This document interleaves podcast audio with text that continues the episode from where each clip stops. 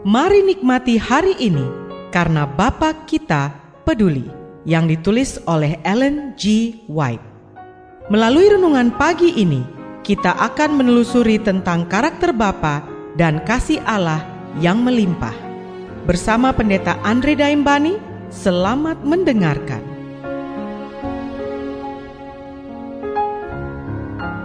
Shalom, selamat pagi saudaraku. Renungan pagi kita hari ini 17 Agustus berjudul Kekuatan yang memurnikan, menyegarkan. Ayat intinya diambil dari Mazmur 51 ayat 10. Demikian firman Tuhan. Tuhan memurnikan hati kita seperti kita memasukkan udara segar ke sebuah ruangan.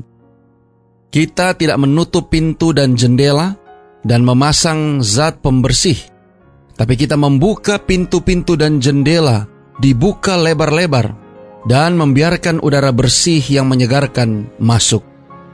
Jendela-jendela dorongan hati, perasaan terbuka ke arah surga, dan debu-debu cinta diri dan keduniawian harus dikeluarkan.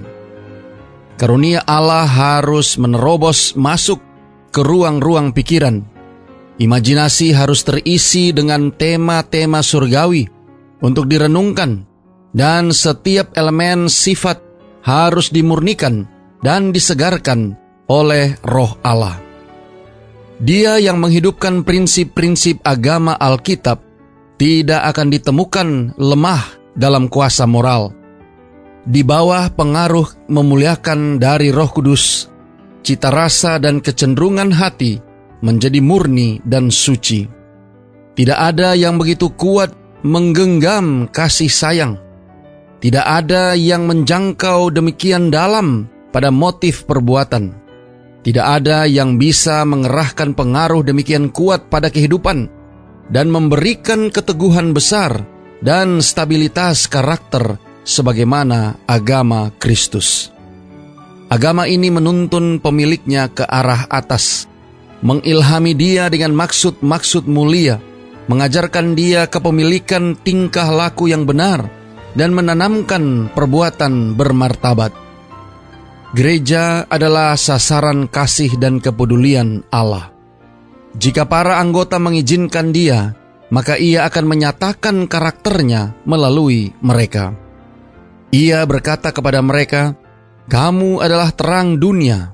Dicatat dalam Matius 5 ayat 14 mereka yang berjalan dan berbicara dengan Allah mempraktikkan kelemah lembutan Kristus.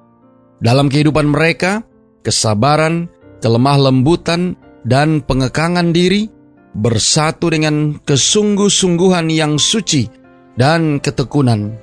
Sementara mereka maju menuju surgawi, sisi karakter yang kasar dan tajam terkikis, dan kesalehan terlihat. Roh Kudus penuh dengan kasih karunia dan kuasa, bekerja pada pikiran dan hati. Saudara-saudara yang kekasih di dalam Tuhan, hati di mana Yesus tinggal menjadi dilembutkan, dimurnikan, dituntun dan dikuasai Roh Kudus. Dan agen manusia akan berupaya keras untuk membawa karakternya selaras dengan Allah. Ia akan menghindari segala sesuatu yang bertentangan dengan kehendak dan pikiran Allah yang telah dinyatakan. Doa kita hari ini. Bapa, terima kasih.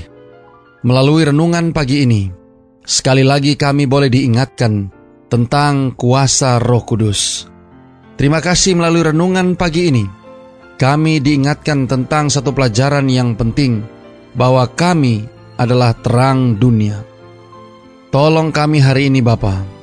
Biarlah dengan pertolongan kuasa roh kudusmu, kami boleh dapat disanggupkan untuk boleh dapat memiliki terang yang berasal daripada Kristus, yang menyanggupkan kami untuk berjalan, berbicara, dan mempraktekkan kelemah lembutan Kristus di dalam kehidupan kami di dunia ini. Terima kasih Bapa. Inilah doa dan permohonan kami kepadamu. Di dalam nama Yesus kami berdoa. Amin.